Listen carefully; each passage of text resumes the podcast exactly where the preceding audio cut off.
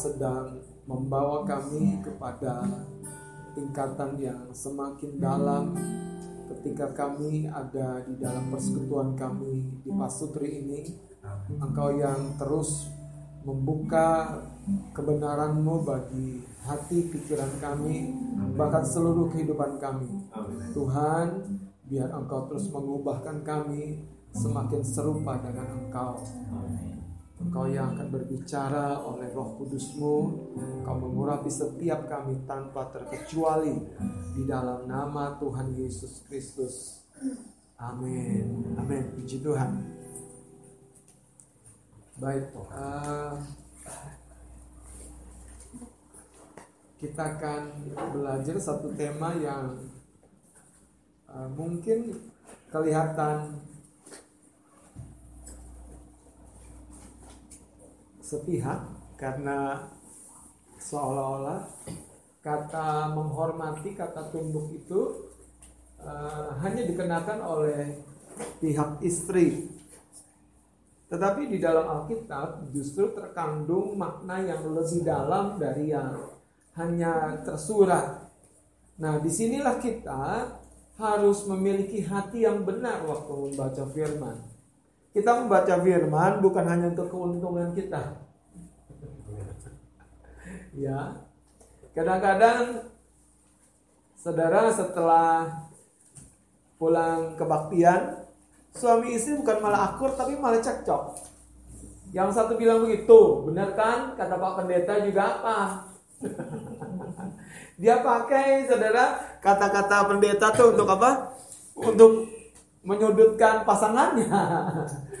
Tetapi saya percaya di sini tidak demikian. Amin ya. Biasanya orang yang sudah pakai kata pendeta itu dia sebetulnya nggak berani sama pasangannya. dia dia pinjem kata-kata pendetanya. Tuh kata pendeta juga apa? Kata abang juga begitu kan? Padahal saudara itu sebuah pertanda ada komunikasi yang buruk di antara kita. Dan kita harus berani saudara uh, sebagai pasangan yang percaya Yesus kita kembali kepada firman uh, dalam semua keadaan kita kembali kepada firman. Nah, mari buka Efesus pasal yang kelima ayat yang ke-22 mulai.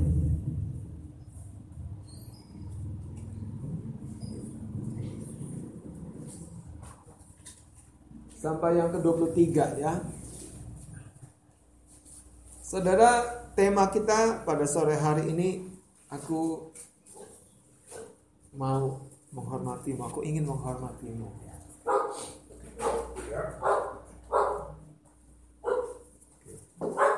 Baik, uh, satu hal yang harus kita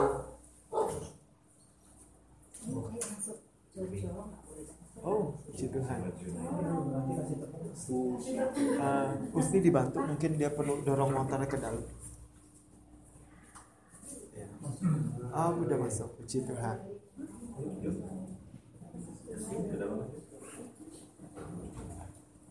Shalom, puji Tuhan. Silakan ke dalam. Silakan. Ya. Oke.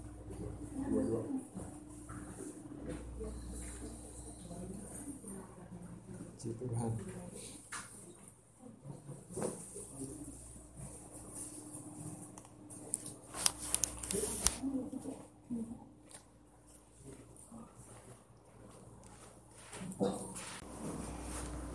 kita akan lanjutkan.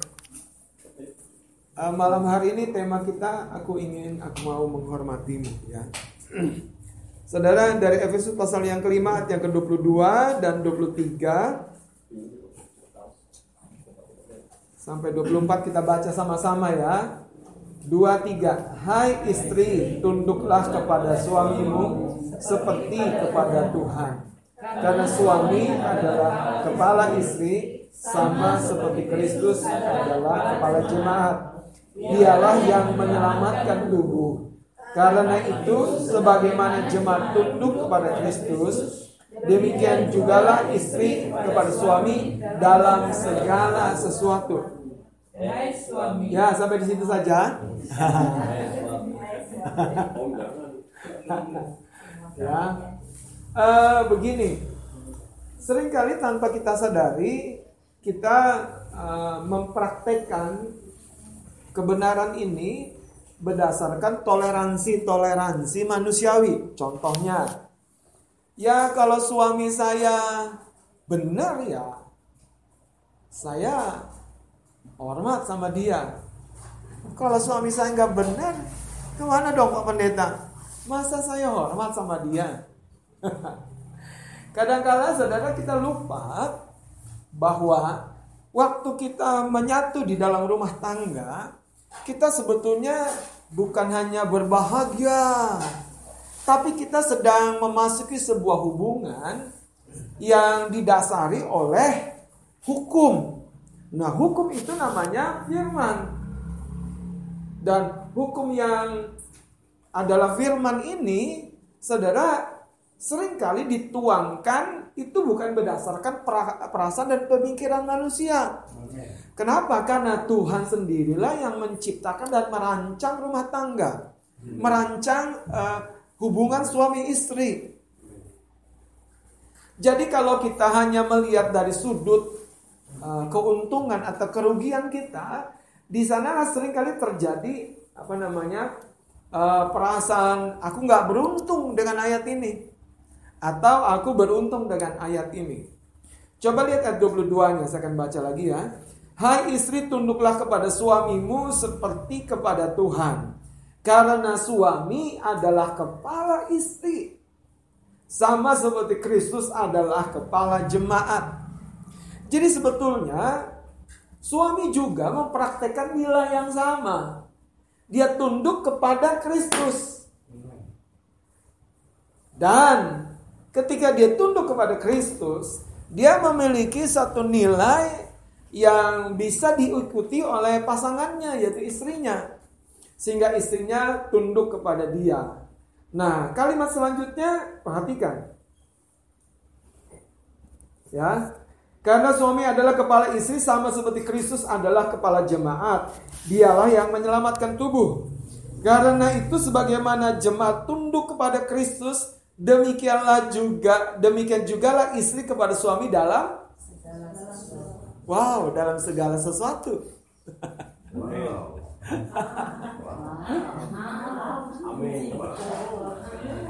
Ini kayaknya Alkitab salah tulis ya. segala sesuatu Yes, yes, yes.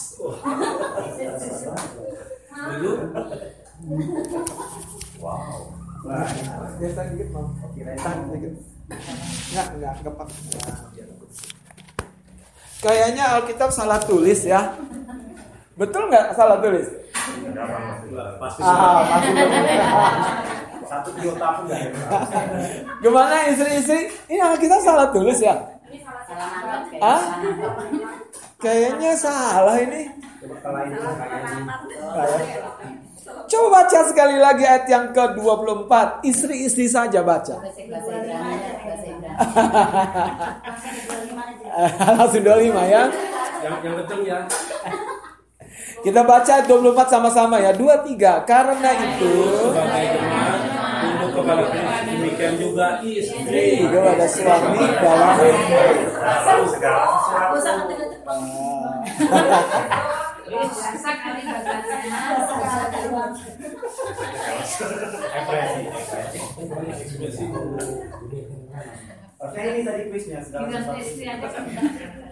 Saudara, kalau kita baca ayat ini seolah-olah menundukkan diri itu sebuah kerugian ya. Seolah-olah menundukkan diri itu sebuah keadaan yang apa? nggak enak. Kayaknya sebuah penindasan. Kenapa? Karena pikiran kita duniawi. Nah itu itu seolah-olah kok. Nah, sekarang kita mau belajar dari kebenaran bahwa sebetulnya yang paling beruntung justru orang yang menundukkan diri. Kenapa? Karena kenapa? Karena begini nanti saya mau kasih tahu. Setiap kita yang menundukkan diri, kita tuh dikaruniai kehormatan. Kita tidak meraih, kita tidak merebut, kita tidak berupaya dengan kekuatan kita memperoleh kehormatan. Tetapi setiap orang yang menundukkan dirinya dalam konteks ini istrinya, menundukkan diri atau menghormati suaminya, itu sang suami tidak bisa tidak. Kenapa? Karena Kristus di atasnya. Nggak mungkin enggak. Karena Kristus di atas suami. Jadi bayangkan kalau sang istri dia merendah, dia menghormati sang suami. Saudara Kristus Tuhan kita, dia itu Tuhan dan pribadi yang selalu mengganjar atau membalas setiap kebenaran yang kita praktekkan. Kenapa? Karena dalam hal ini istri adalah gambaran gereja sebetulnya gambaran saudara dan saya secara bersama-sama, secara tubuh Kristus. Kita istri, kita mempelai wanita. Dan di sinilah sebetulnya waktu sang istri memberikan satu penghormatan dengan cara yang benar, dengan cara yang tanpa mempertimbangkan alasan-alasan. Coba saya mau tanya, sering nggak kadang-kadang kita tuh ngobrol dengan orang lain ini untuk para istri dulu. Kita tiba-tiba terlontar. Iya tuh, emang dia mah begitu. Iya. Mas, pernah jawab. Pernah booking mas. Dia mah emang, aduh begitu. Kadang-kadang sebenarnya yang kita maksud itu kan suami kita. Saudara, sikap yang dia mah emang begitu. Begitu ya. Nggak sekali beli batu. Nggak sekali beli batu. Mas. Tidak sekali sering. Mbak, Dikit-dikit tuh dipulihin mbak. Nah, jadi saya mau beritahu begini, saudara. Istri-istri, eh, kenapa kita tidak bisa mempraktekkan firman ini secara utuh? Karena kita belum melihat rahasia keuntungan bagi Anda. Iya. Kenapa? Karena di dalam Alkitab ini eh, banyak sekali eh, kebenaran yang apa yang namanya terkandung di dalam hal-hal yang tersurat atau tertulis ini dan kalau kita cermati kita akan terima hal-hal yang lebih kaya, lebih dalam. Nah, saya mau ajak teman-teman buka kitab Esther sekarang supaya kita tahu betul-betul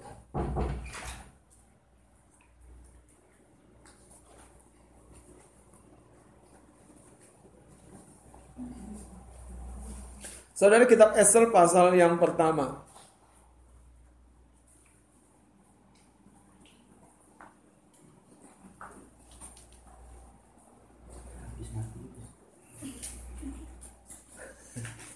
Kitab Esther pasal yang pertama dari judul perikopnya Ratu Wasti dibuang. Kalau Anda sempat membaca kitab Esther ini secara utuh, kita akan mengerti begini. Kitab Esther ini apa namanya? Garis besarnya adalah begini. Setiap penghormatan yang kita beri itu akan menuai kemuliaan. Saudara, nanti kita akan temukan bahwa setiap sikap yang tidak respect, tidak hormat, tidak tunduk akan menuai satu sikap yang namanya penghukuman. Nah, Wasti ini adalah istri. Dia bukan sebatas ratu. Dia bukan sebatas seorang yang terkenal di, di kerajaan ini. Tapi dia adalah istri. Kita kita lihat saudara.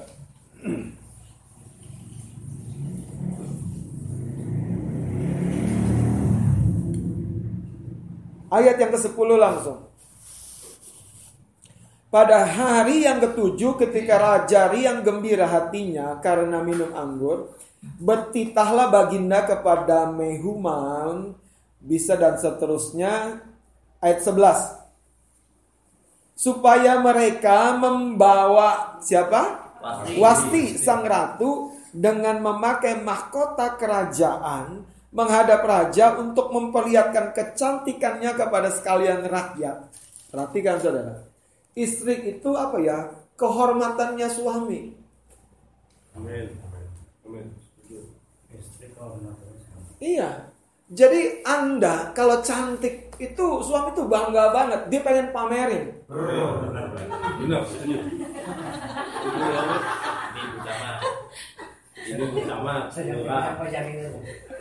Dia pengen karena lihat saudara. Cerita ini menarik sekali. Raja Ahasiweros ketika dari pesta riang gembira, dia tidak ingat gundiknya. Dia tidak ingat batu cincinnya. Benar ya Mas ya? Dia tidak ingat burung perkututnya. Dia ingat istrinya. Katakan amin suami-suami. Amin. Saya juga. Karena begini, makanya istri-istri dengar. Istri-istri dengar. Kalau Anda Anda mendandani diri begitu rupa, itu sebetulnya bukan hanya untuk Anda. Hmm. Tapi untuk siapa? Nih kepala saya, yaitu suami. Amin. Dan waktu Anda berjalan di samping suami Anda dengan sikap yang anggun, yang indah, itu suami Anda naik peringkat. Tiba-tiba saudara saya mau kasih tahu, berkatnya nambah. Oh, Gak percaya? Dandanin istrimu. Jangan sendiri. Nah, dandanin. Dandanin Mas. dengerin. Karena itu, karena itu gini. Dengerin. Suami-suami, istri-istri dengar. Adalah memang kodratnya, saudara. Adalah memang kodratnya. Istri itu berdandan. Istri itu mempercantik dirinya. Dan bukan bagi dirinya sendiri sebetulnya. Nih kita lanjutkan ya. Saya suka. Eh, kesaksian. kita kita lanjutkan. Coba lihat lagi. Ayat 11. Menghadap raja untuk memperlihatkan kecantikannya kepada sekalian rakyat dan pembesar-pembesar karena sang ratu sangat elok rupanya. Ayat 12. Ada sesuatu di dalam diri Ratu Wasti ini. Dia dia dia mengambil semua kecantikannya untuk dirinya. Ini perhatikan wanita-wanita. Itu sebabnya secantik apa pun Anda, tapi kalau suami Anda tidak buka pintu, Anda nggak bisa show. Nggak bisa. Catat ya, catat. Nah, enak kan? Nah, ya. Enggak halal loh, enggak halal. Ah, Iya, nggak halal. Tetapi yang yang hebatnya, yang hebatnya, wah,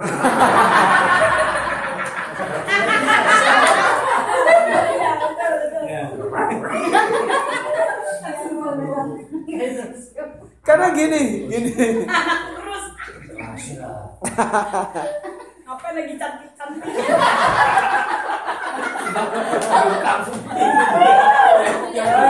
paling mudah. Makanya saya saya mau ajarin sesuatu yang sangat sederhana dengar. Waktu Anda berjalan, ini untuk istri-istri. Waktu Anda berjalan sendirian tidak bersama dengan suami Anda, bukan tidak usah cantik-cantik. Anda harus sadar bahwa tadi kemuliaan Anda belum lengkap.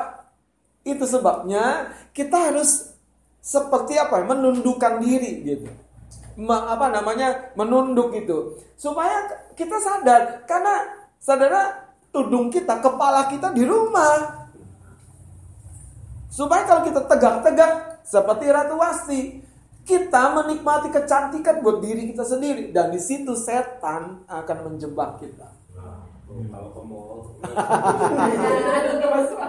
Kita lanjutkan ya. Karena itu istri-istri dengar Anda harus cantik. Amin. Tapi, tetapi,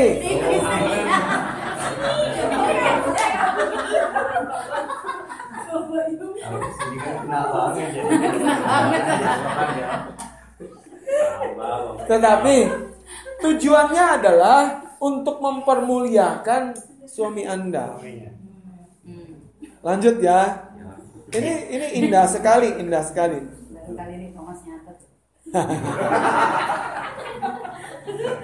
Ayat 12, ayat 12 kita lihat ya, ayat 12. Ini ada sesuatu di hati Ratu Wasti, tetapi Ratu Wasti menolak untuk menghadap menurut titah raja yang disampaikan oleh sida-sida itu, sehingga sangat geramlah raja dan berapi-apilah murkanya.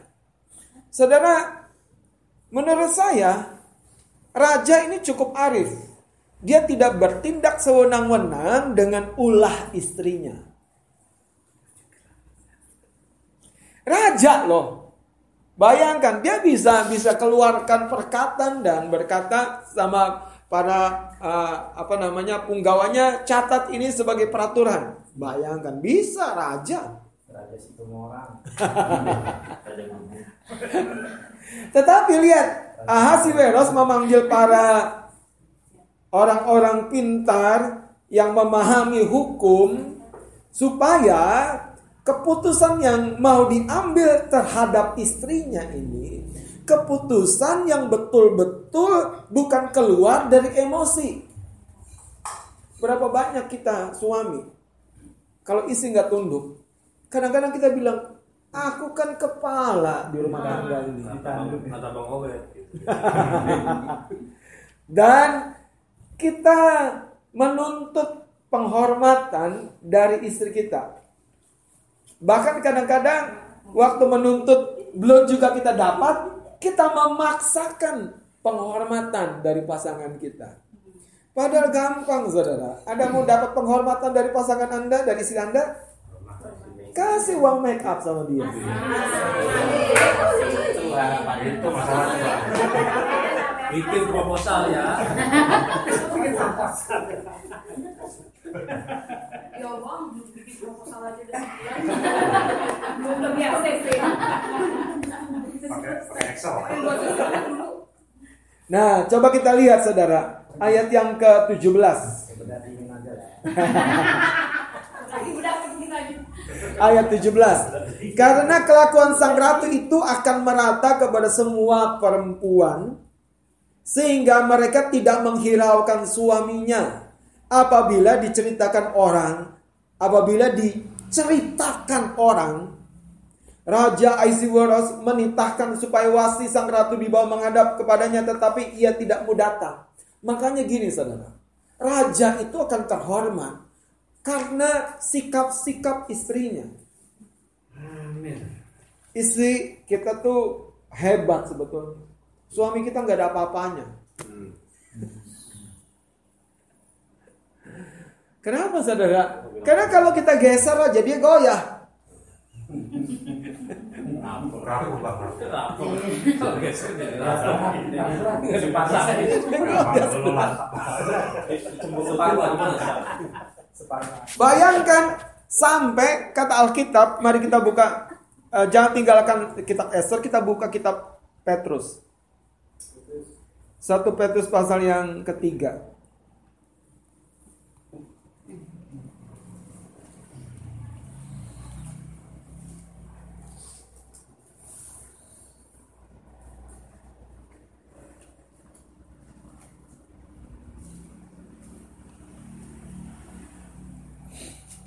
Sudah, satu Petrus pasal yang ketiga.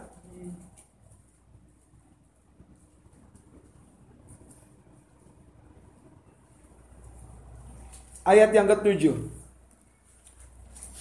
Jadi doa mereka tidak bisa melampaui kekuatan hubungan mereka dengan pasangannya. Jadi kalau kita suami-suami tidak bisa membina hubungan dengan istri kita, Anda nggak bisa obrol doa Anda, nggak bisa. Anda nggak bisa berkata, sini aku doakan kepada jiwa-jiwa. Anda sendiri nggak bisa apa membangun hubungan Anda dengan pasangan Anda dengan kuat, nggak bisa. Itu prinsip firman. Kalau suami-suami tidak bisa membina hubungannya dengan baik dengan istrinya, kita bukan imam yang sejati. Makanya gini, suami-suami, kalau Anda pemimpin, Anda harus bisa membina hubungan baik dengan istri Anda. Lihat ayat yang ketujuh. Demikian juga kamu hai suami-suami, hiduplah bijaksana atau cerdik ya dengan istrimu sebagai kaum yang lebih lemah. Ya suami juga sebetulnya lemah maksud ayat ini.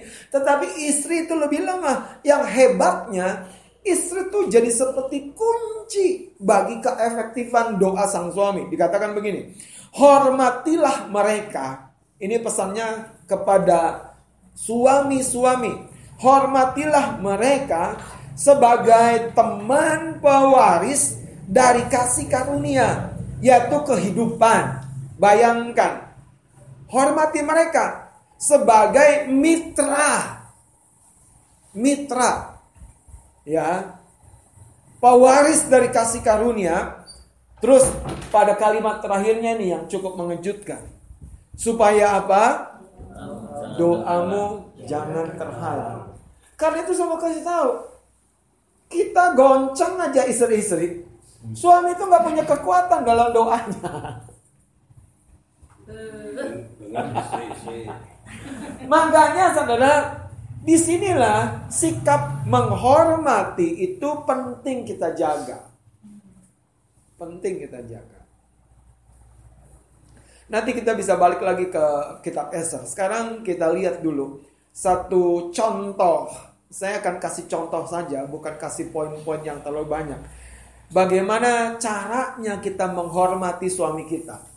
Mari lihat 1 Petrus pasal 3 ayat yang kelima dan keenam. Saya berharap suami-suami jangan besar kepala dulu ya.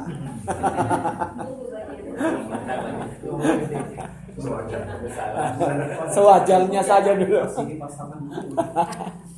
Coba lihat ayat yang kelima dan keenam kita baca sama-sama. 1 Petrus pasal 3 ayat 5 dan 6. 2 3. Sebab demikianlah caranya perempuan-perempuan kudus dahulu berdandan, yaitu perempuan-perempuan yang menaruh pengharapannya kepada Allah, sama seperti Sarah taat kepada Abraham dan menamai dia, ya terus?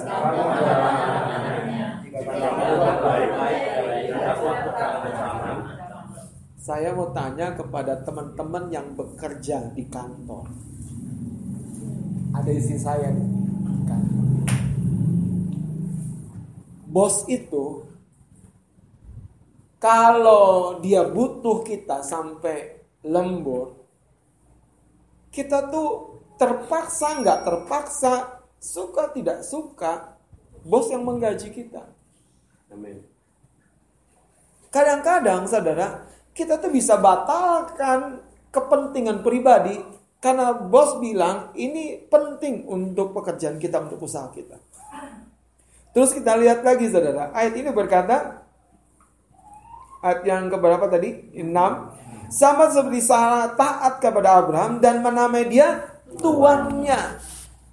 Itu artinya saudara, kita perlu memposisikan suami kita itu sebagai tuan kita. Ini kan artinya kita tuh sepertinya hambanya. Tapi ini kebenaran. Kebenaran. Jadi istri adalah pelayannya suami dong. Benar. Sebaliknya nanti kita akan tahu, saudara, waktu kita tunduk dengan hormat seperti Sarah menamain suaminya Tuan. Dalam tanda kutip, saudara. Sampai kalau suami kita menuntut kita pada titik terendah emosi kita, kita udah kesal, udah capek, tapi suami kita minta dilayani, bisa nggak? Istri bang bisa. Bisa ngambek Pak, bisa bisa ngambek. Bisa dicek, Iya. Cuekin. bisa ngamuk. Bisa dikasih. Bisa dikasih ya. Kamu Ngamuk Pak. bisa dikasih pupuk apa? Dikasih pupuk sama guling. Bisa panggil orang tua.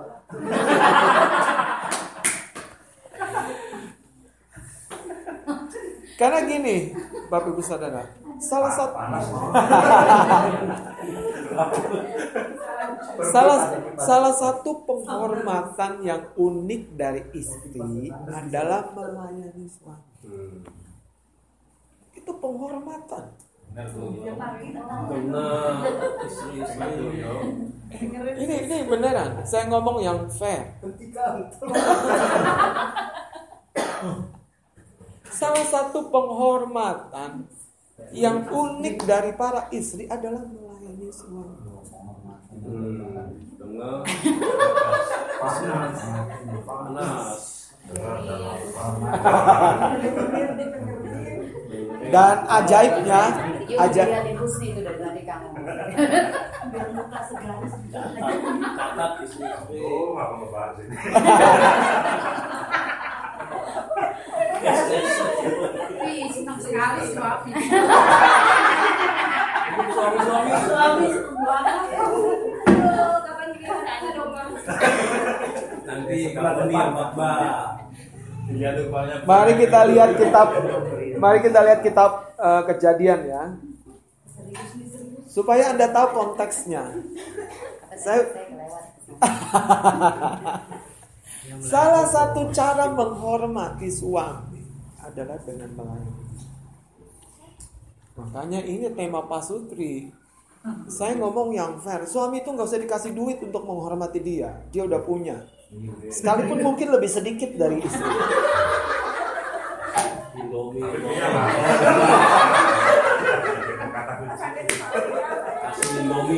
Dua. Tapi dikorek-korek juga Pak. Benar kasus sih. Coba lihat nih, lihat ya. Saudara, haleluya. Kita buka kejadian pasal 18, sudah? Tadi kitab 1 Petrus pasal 3 berkata, Anda dan saya adalah anak-anak Abraham. Yang unik dari dari sikap Sarah yang menamakan Abraham itu tuannya. Coba lihat ayat yang ke-11. Sudah ketemu Alkitab? Ayat kejadian 18 ayat 11 saya baca ya. Adapun Abram dan Sarah sudah tua dan lanjut umurnya. Coba nih kalimat terakhirnya. Dan Sarah telah mati haid. Anda harus ngerti ini kondisi yang tidak mudah buat istri. Terus ya ayat 12. Ini alasannya dia tertawa waktu dia dengar janji Tuhan. Terus ayat 12. Ma jadi tertawalah Sarah dalam hatinya katanya. Akan berahikah aku? Setelah aku sudah layu sedangkan tuanku sudah tua. Tuanku sudah tua Ketiga Pak. Oh, nggak ada. Jangan di umur dong ya. Nah, kami udah tahu di samping kami. Ini gajah juga. Pakai baju cincin juga bang. Soalnya lihat ya kan? Di Batan Robo. Hormatilah yang tua. Masih gajah kan kan? saudara jadi yang saya mau simpulkan adalah begini dengerin baik-baik suami dan istri kita harus mengerti bermain peran dengan tepat di rumah tangga. Menghormati suami itu kita tidak perlu puji-puji dia. Iya. Waktu kita melayani dia, itu seperti sebuah pujian buat dia. Amin. Iya. Itu seperti sebuah sanjungan buat dia. Dia tuh raja dan kita iya ratu.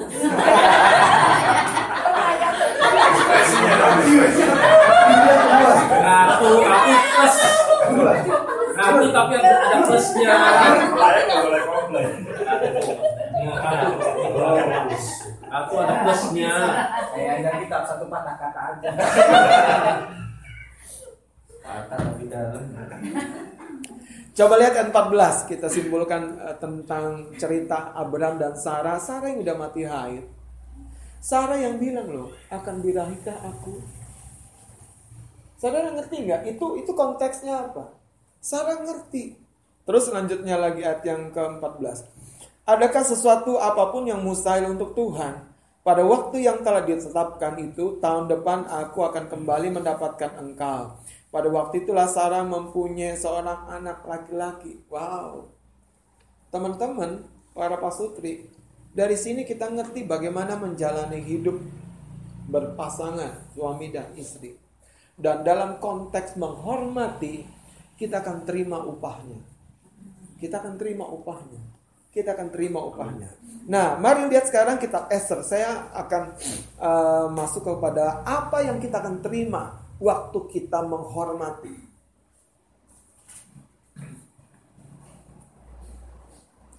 Saudara, Esther ini Anda nanti baca lebih jauh lagi.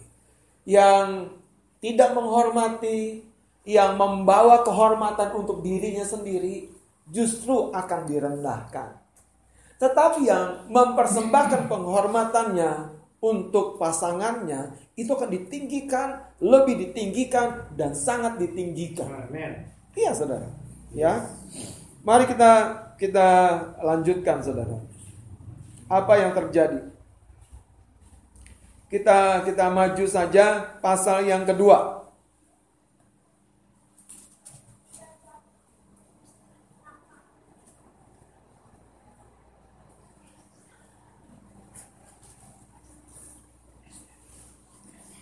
Kita lihat saudara Bagaimana Esther ayat yang kita lihat ayat yang ke-14. Esther pasal yang kedua ayat 14. Pada waktu petang ia masuk dan pada waktu pagi ia kembali. Tetapi sekali ini ke dalam balai perempuan yang kedua.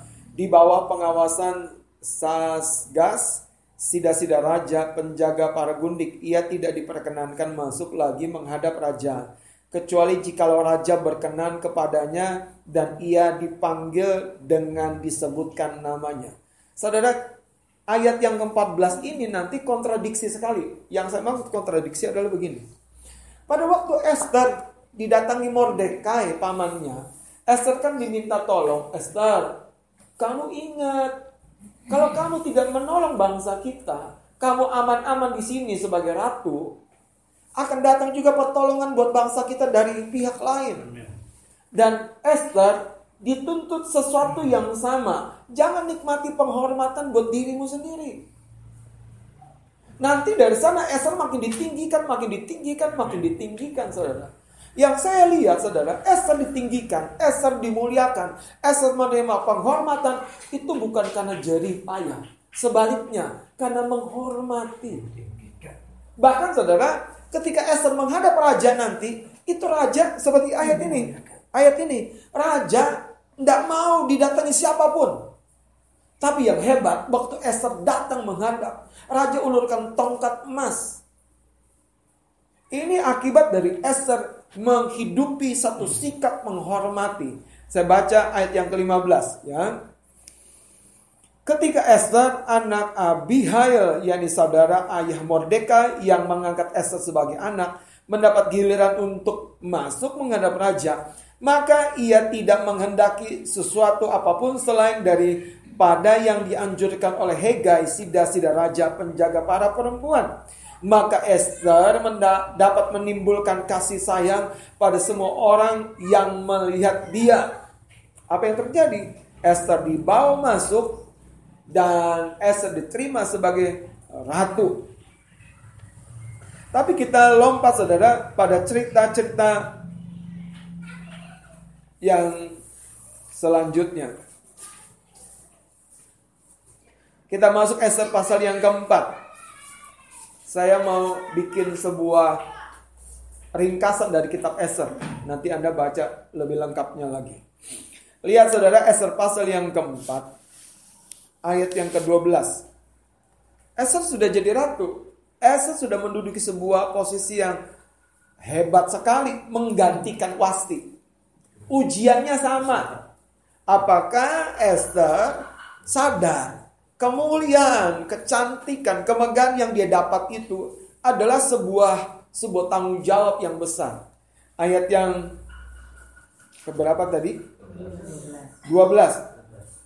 Ketika disampaikan Esther pasal 4 ayat 12, ketika disampaikan orang perkataan Esther itu kepada Mordekai, maka Mordekai menyuruh menyampaikan jawab ini kepada Esther. Jangan kira engkau di dalam istana raja, hanya engkau yang akan terluput dari antara semua orang Yahudi. Sebab sekalipun engkau pada saat ini berdiam diri saja, bagi orang Yahudi akan timbul juga pertolongan dan kelepasan dari pihak lain. Dan seterusnya, saudara. Ini kan Mordekai, pamannya, itu negur Esther. Ayat 15. Maka Esther menyuruh menyampaikan jawab ini kepada Mordekai.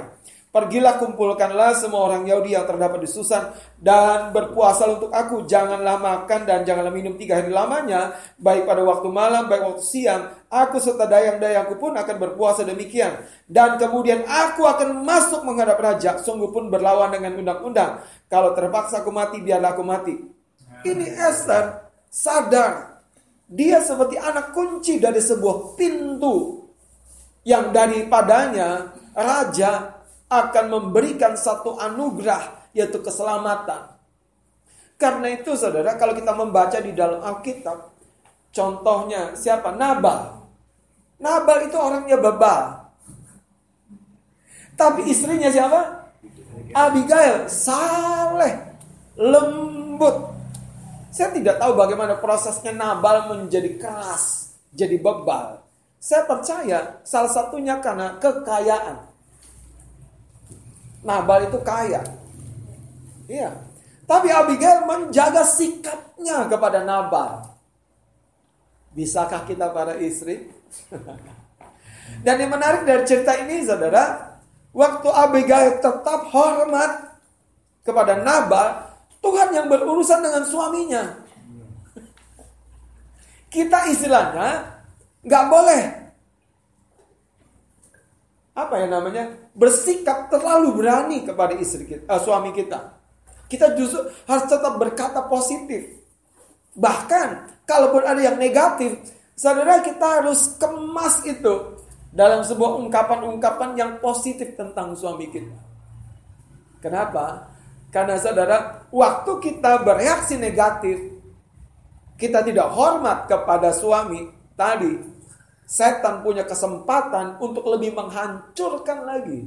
Untuk lebih menghancurkan lagi. Untuk lebih menghancurkan lagi. Sedangkan itu salah satu pintu gerbang yang kita harus tegakkan di rumah tangga kita. Untuk Tuhan bekerja. Yaitu sikap respect, sikap hormat. Iya. Dan waktu pintu gerbang itu runtuh yang namanya penghormatan, setan bisa bertindak. Setan punya celah, setan punya kesempatan untuk merongrong hidup kita. Iya. Suami akan merasa, ah, aku nggak diingini. Tetapi bukan memakai khotbah ini jadi kesempatan ya. Haleluya. Ya. Kita harus ngerti Saudara. Kenapa? Karena istri tidak bisa dia langsung spontan, dia butuh suami yang juga siap. Suami yang siap itu tadi Sama-sama tidak mencari kepentingan untuk dirinya sendiri. Haleluya. Nah, sekarang saya mau maju dengan cepat dalam kitab Esther. Apa yang terjadi Esther pasal yang kelima.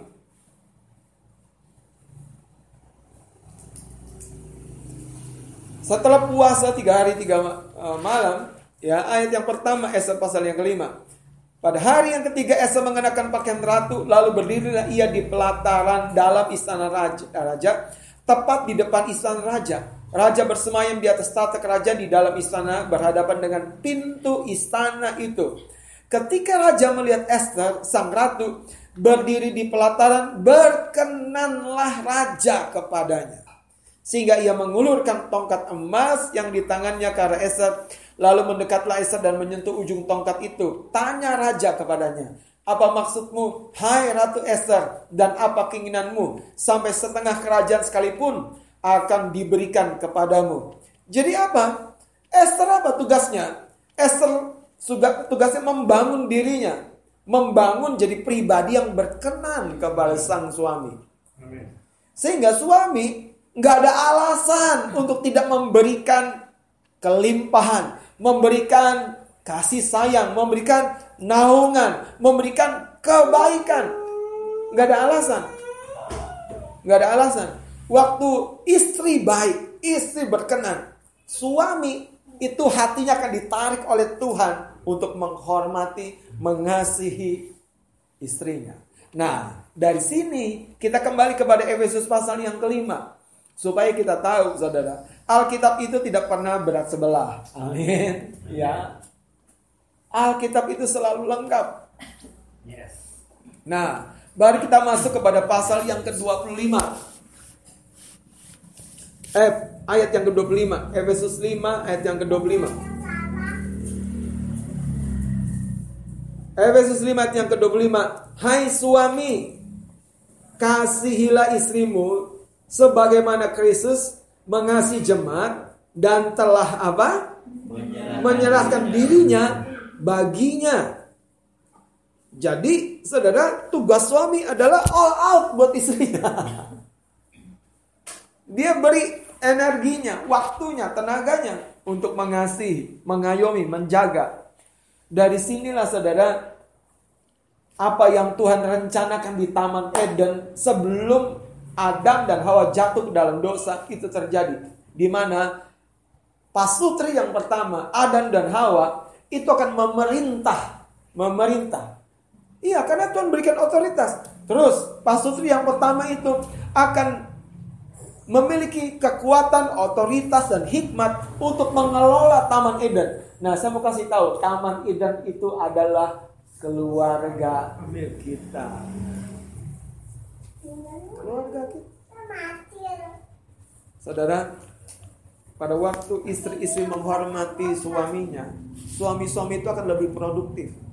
Amin. Karena pikirannya gak ke mana-mana. Pikirannya lempeng. Nah, pada waktu pikirannya lempeng, saya, saya kasih tahu, istri-istri tadi seperti Esther, Anda akan dikenan oleh suami. Istrinya, uh, istilah saya, dia akan bekerja keras, dia akan berupaya maksimal untuk membahagiakan siapa yang membahagiakannya. Ini dengar ya. Suami-suami akan berupaya keras, bekerja keras, membahagiakan siapa yang membahagiakannya. Karena begini saudara, Tuhan di pihak kita. Tuhan tahu, Tuhan tahu. Waktu istri-istri seolah-olah jadi pelayan, jadi hamba, justru itu keindahannya. Justru itu apa ya keunikannya. Justru di, di situ keistimewaannya. Waktu kita membahagiakan suami kita, dia suami kita akan dibuat oleh Tuhan membahagiakan kita. Tepat seperti Esther. Ya, tepat seperti Esther. Ketika raja berkata, "Apa yang kau inginkan, Esther? Setengah dari kerajaan pun aku akan berikan." Nah, malam hari ini apakah kita mau menghormati pasangan kita, suami kita hanya sebatas ketika dia misalnya. Kadang-kadang ya Sedih. bisa ada di samping kita setiap saat. Belok dikit ke kolong. Kita akan menghormati suami kita hanya sebatas ketika saudara keinginan-keinginan kita sebagai sang istri tercapai. Padahal kalau kita belajar ceritanya Sarah, ceritanya Esther, keinginan istri itu bukan didapat akibat sebuah pergulatan dengan suaminya. Bukan. Kalau masih ada istri-istri untuk mendapatkan keinginannya, dia bergulat, mesti ada pertikaian, mesti ada pertentangan, ada perselisihan di rumah tangga. Sama beritahu, bukan gitu caranya. Iya. Anda harus lihat kepada firman. Suami itu, suami itu, dia takluknya, takluknya kepada kita yang melayani dia.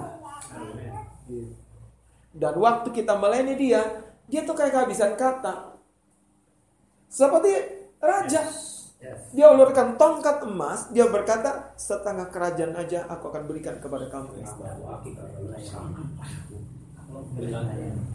Nah, itu sebabnya malam hari ini, ayo coba kita eh, renungkan sebentar, suami-suami dan istri-istri, bagaimana cara kita menempatkan dan memperlakukan pasangan kita. Nah, kalimat penutup saya ini untuk dua belah pihak. Bagaimana kita memperlakukan pasangan kita? Bagaimana? Coba renungkan sebentar, satu dua menit. Bagaimana ya? Hah? Kasih tahu saya. Apa maunya bapaknya? Dengar dulu. Renungkan dulu. nah, kalau kita sudah renungkan, saudara, karena ini kesempatan yang baik, firman itu harus relevan dengan keadaan kita. Dulu waktu kita gadis, kita bisa foto-foto, selfie dan lain sebagainya pajak untuk diri kita sendiri. Tapi waktu kita udah berumah tangga, Masih juga selfie-selfiean. Pasang foto suami dong. Oke. Coba kita renungkan 1-2 menit bagaimana kita memperlakukan pasangan kita. Saya mau mulai dengan istri. Ya. Apakah kita sudah memperlakukan suami kita seperti Sarah memperlakukan Abraham?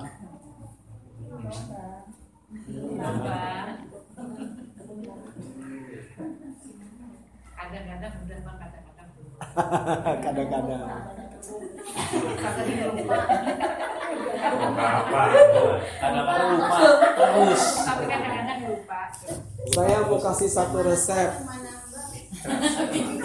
Saya mau kasih resep seperti Alkitab bilang, suami kita itu tuan kita, majikan kita. Suami kita itu bos kita. Betul, betul, betul. Setuju benar.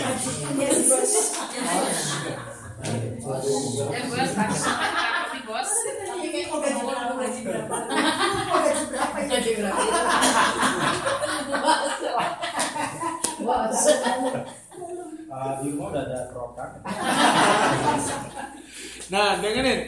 Karena begini, saudara. Berkat itu sekalipun misalnya kayak Yumi, Yumi yang pintar masak. Yumi bisa buat orang datang dan menyukai masakan di kantin. Tetapi Tuhan mengalirkan berkat itu lewat suami.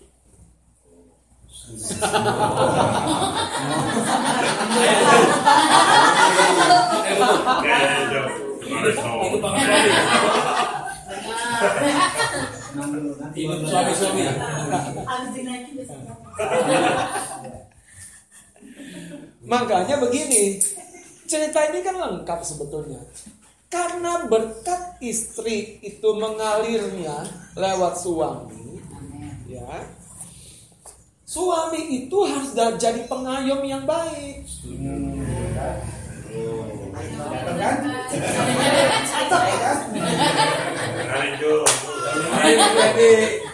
Dengan baik, jangan Jani. Payung. Jangan dijadi pembantu. Nah, jadi pengayom yang baik. Pengayom yang baik itu karena gini, sering kali konsep uh, majikan dengan hamba, tuan dengan hamba yang ada di pikiran kita tuh yang dari dunia semua. Iya, Yang dari dunia semua. Saudara, ayo kita kembali kepada Alkitab. Yang Tuhan maksud tuan itu bukan dalam pemikiran yang tadi. Iya. Nyuruh-nyuruh. Oh, nyuruh-nyuruh. Enggak. Oh, gitu ya.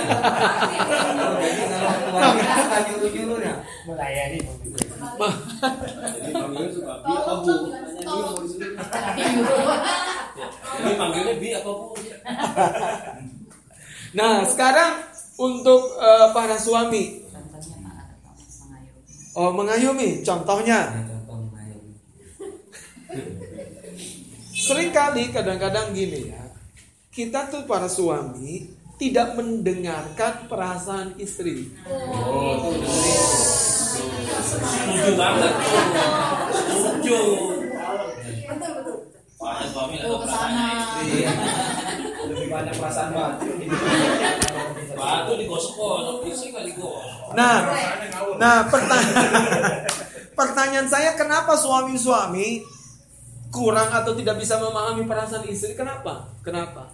Karena suami Kenapa?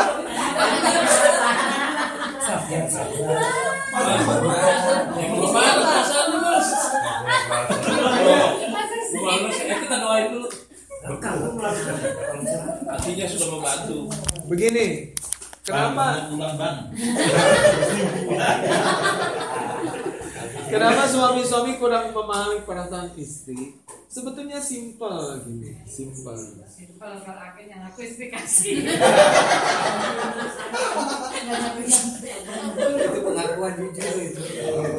Jujur, ini jujur. Ungkapin aja semuanya tan nggak apa-apa. Jujur hijau ya. Saya juga lega kok. Apa yang membuat pertalian perasaan itu semakin kuat? Apa coba? Sama-sama sebenarnya kita tahu kok. Apa yang membuat pertalian perasaan, pertalian perasaan makin kuat? Komunikasi. Bukan hanya komunikasi. Bukan. Dengerin dulu, dengerin. Sama perasaan.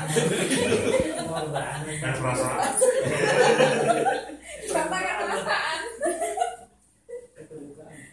Iya.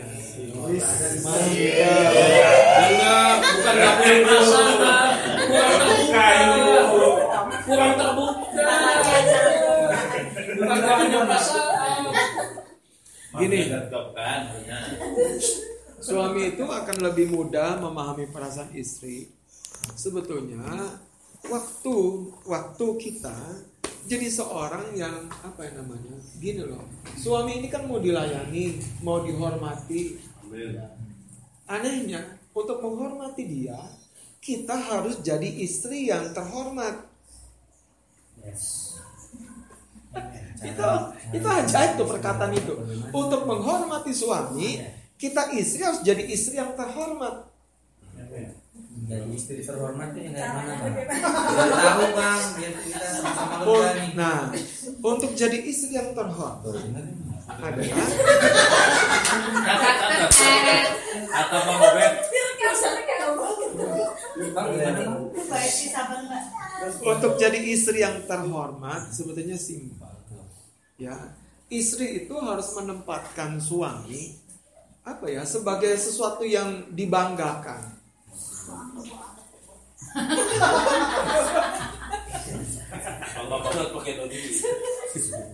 Kadang kadang-kadang gini saya mau cerita ya jujur ya. Istri perasaan itu bisa tercuri sama anak, bisa tercuri sama keluarga, bisa tercuri dengan hobinya di dapur. Iya. Akhirnya suami jadi bujangan lagi. Belum ngerangkap itu. Oh, banyak habis. Belum ngerangkap itu udah bujangan. Belum satu akal dari itu udah bujangan. Jadi bujangan lagi. Padahal gini, waktu kita sekarang gini, tugasnya isi gampang. Sebelum dia mengelus kita, ya anggap aja. Ya, misalnya gini kakak mengelus abang. Pak, apa kabar? Tiba-tiba tuh saya mau kasih tahu, amplop yang saya lupa saya taruh di mana. Itu saya Pak. beneran, beneran saya mau kasih tahu. Beneran gimana kabarnya Pak? Amplop yang saya lupa taruh di Saya ingat tuh di mana. Siapa Amplop yang saya selipkan. Nah bayangin, waktu saya ingat amplop, saya kasih, oh iya mah, aduh baik sekali mama. Waktu saya elus, karena begini saudara, yang saya dapat itu nggak ada harga harganya buat saya. Itu ber- Dielus terus biar semua amplop keluar. itu berharga sekali buat isi saya. Ya. Berharga sekali. Saya sudah mengerti. Praktekin Mbak, kasih amplop. Ketemu amplopnya, Loh, isinya mana? Sudah gua ambil.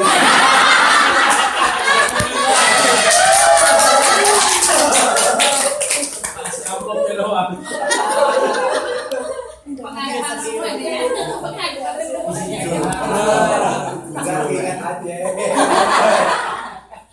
Jadi sekarang cari cara bagaimana membuat suami Anda melalui hidup Anda yang makin terhormat itu suami Anda tuh merasa terhormat. Dampingi dia, kasihi dia, puja dia.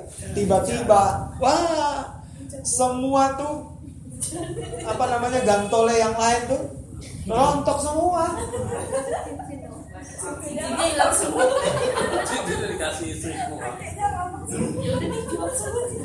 Iya, tiba-tiba dia akan akan nyanyi lagu Bang Horas. Kau lah segalanya. Loh, pokok. lagu itu akan berkumandang lagi. Makanya gini, hukum kehidupan rumah tangga itu nggak bisa sepihak, nggak bisa. Lantas bang, apa yang dari istri dahulu enggak? Hukumnya selalu timbal timbal balik. Siapa yang duluan memahami kebenaran? Nah puji Tuhan kalau dua-duanya memahami kebenaran lebih enak. Amin. Mari kita berdoa ya supaya kebenaran yang kita dengar malam hari ini bisa kita praktekkan. Amin. Haleluya.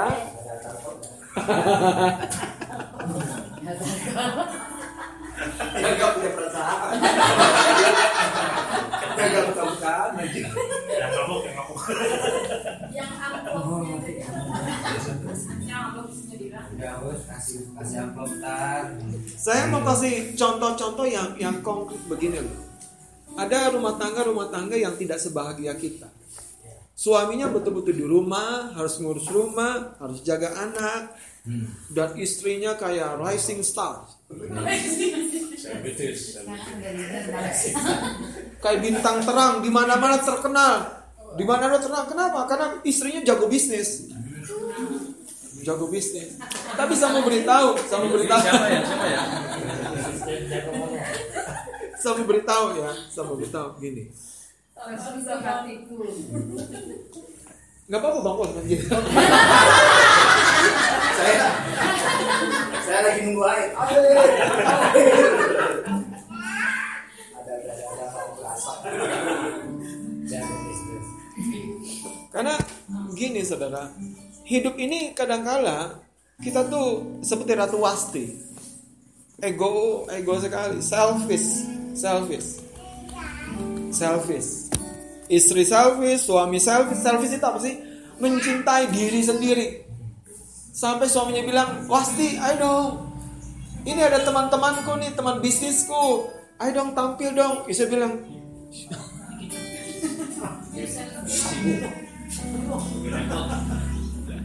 Makanya saya saya saya setuju kok kalau istri itu dandan, istri itu cantik, istri itu harum setuju. Setuju. Supaya gini loh dengerin. Waktu anda dandan, anda cantik, anda harum, suami itu langsung nggak pede kalau dia dekil, kumel, langsung berubah. Karena karena memang timbal balik seperti itu. Kalau istri kita setia kepada suami yang tidak setia, saudara kesetiaan kita tuh seperti garam. Pada akhirnya suami yang nggak setia tobat. Tobat. Dan coba kalau anda omelin, dari mana lo? Dari mana? Tadi katanya sebentar. Kok handphonenya mati saya telepon? Pulang-pulang bawa apa nih?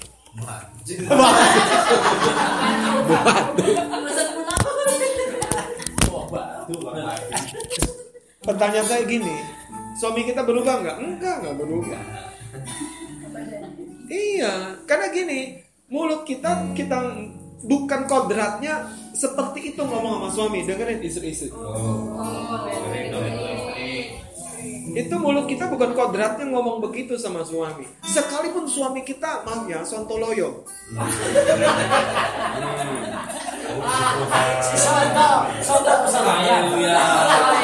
Hari Tuhan datang membela. Sekalipun suami kita sontoloyo, tau nggak? Itu kan istilah yang kacau itu. Pokoknya suami kita tuh pulang nggak pulang, nggak peduli rumah. Pokoknya mandi nggak mandi, nggak peduli tampan. Itu suami kita sontoloyo. Tapi saya mau kasih tahu, saya mau kasih tahu dengar. Waktu istri-istri dia pulang apa la- langkahnya itu kan miring miring miring. Gini kan? Nggak bisa lurus lagi. Waktu kita sambut kita peluk dia saudara. Tiba-tiba saudara itu malaikat kencengin mulutnya. Gitu.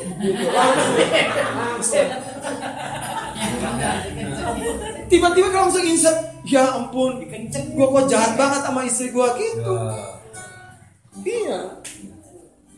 Makanya makanya saya mau kasih tahu kalau udah suami sontoloyo istri. Iya juga.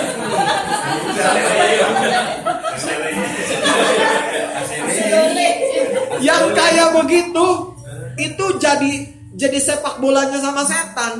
Lihat aja. Iya setan akan tendang sana tendang sini tendang sana. Akhirnya wah udah yang kayak gitu tinggal tunjuk tunggu waktu aja pendeta repot.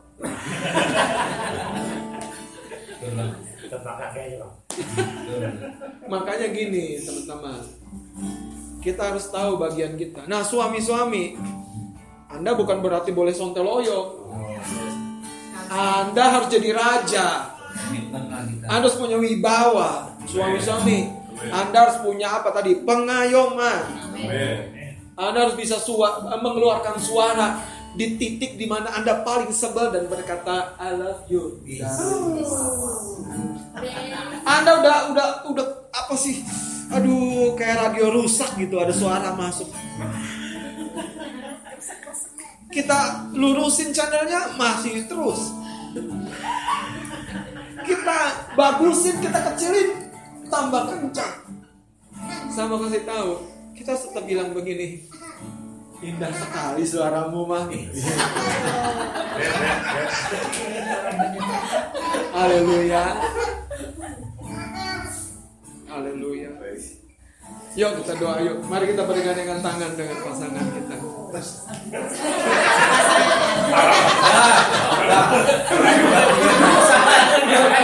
Kayak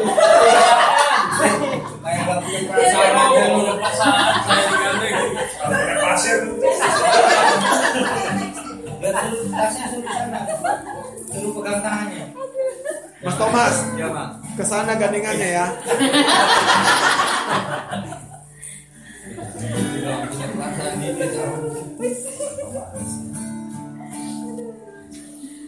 Eh, Teman-teman kita bersyukur bahwa kita ada di dalam Tuhan. Seperti tadi Kak Vivi bilang di lagu kita ini kita bukan melihat kelemahan pasangan kita. Kita jadi apa namanya seorang yang tepat untuk dia. Kita tidak mengejar kesempurnaan dari pasangan kita. Kenapa? Karena kesempurnaan itu hanya bisa kita dapat waktu kita bersama. Kita sendiri nggak bisa, nggak bisa, nggak bisa. Karena itu kejarlah sebetulnya satu saja yang namanya keharmonisan, kasih sayang. Amin. Itu lebih dari cukup. Haleluya, mari kita berdoa.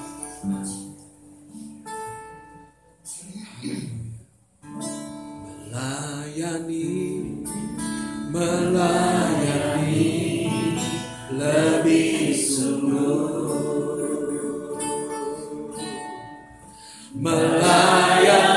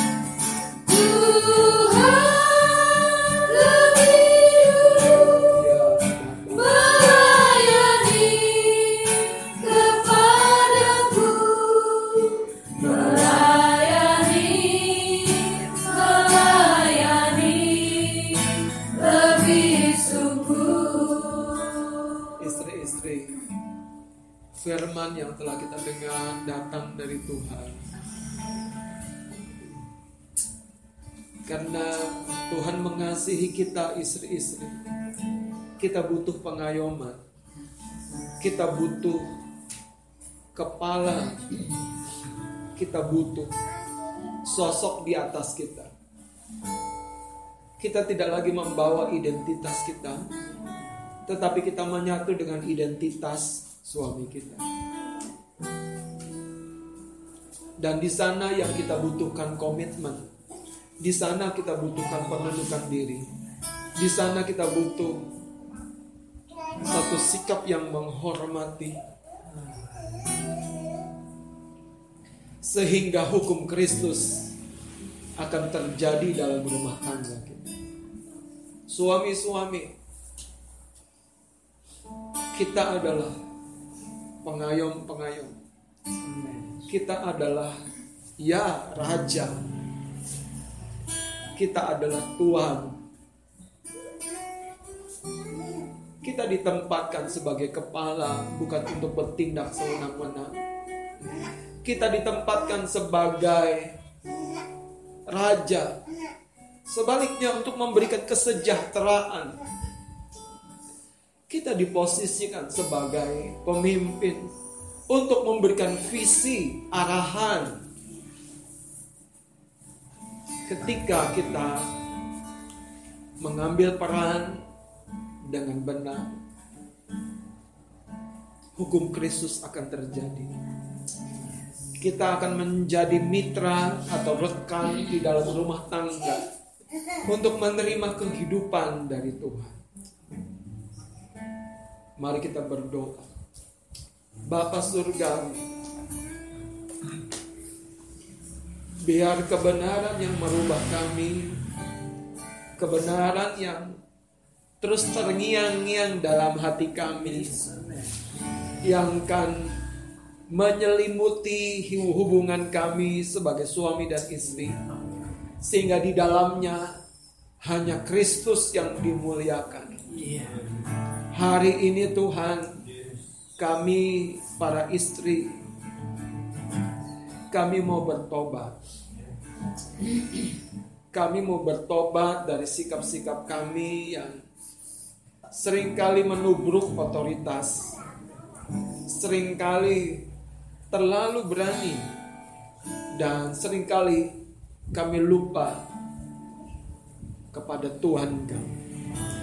Tuhan, hari ini biar hati kami para istri menjadi hati seperti Sarah mengalami mujizat, mengalami keajaiban Tuhan sekalipun seolah-olah janji itu mustahil bagi kami. Dan kami para suami malam hari ini biarlah kami tunduk kepada Engkau Kristus Tuhan. Biarlah kami tunduk dan sadar sehingga kami menjadi pengayom yang benar kepada istri dan keluarga.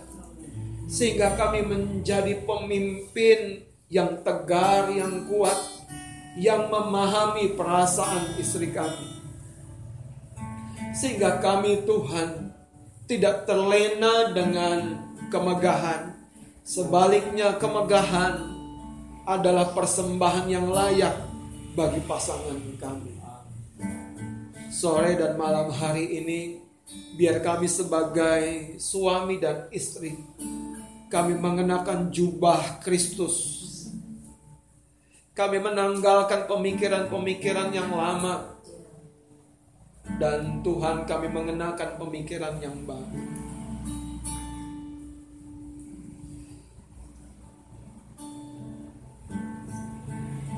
Supaya di dalamnya kemuliaan Kristus terpancar.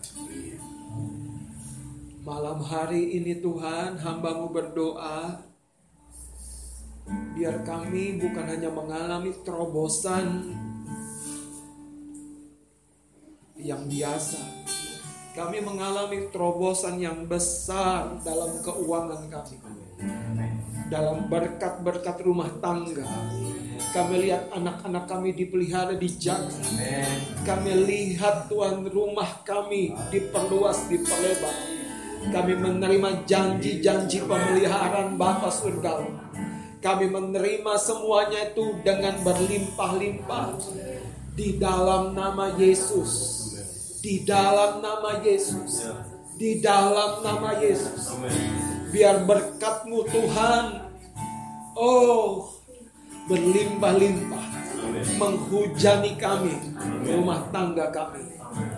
Terima kasih di dalam nama Yesus Kristus kami sudah berdoa. Haleluya. Amin. Amin. Puji Tuhan. Tuhan Yesus memberkati. Saya kembalikan waktu selanjutnya.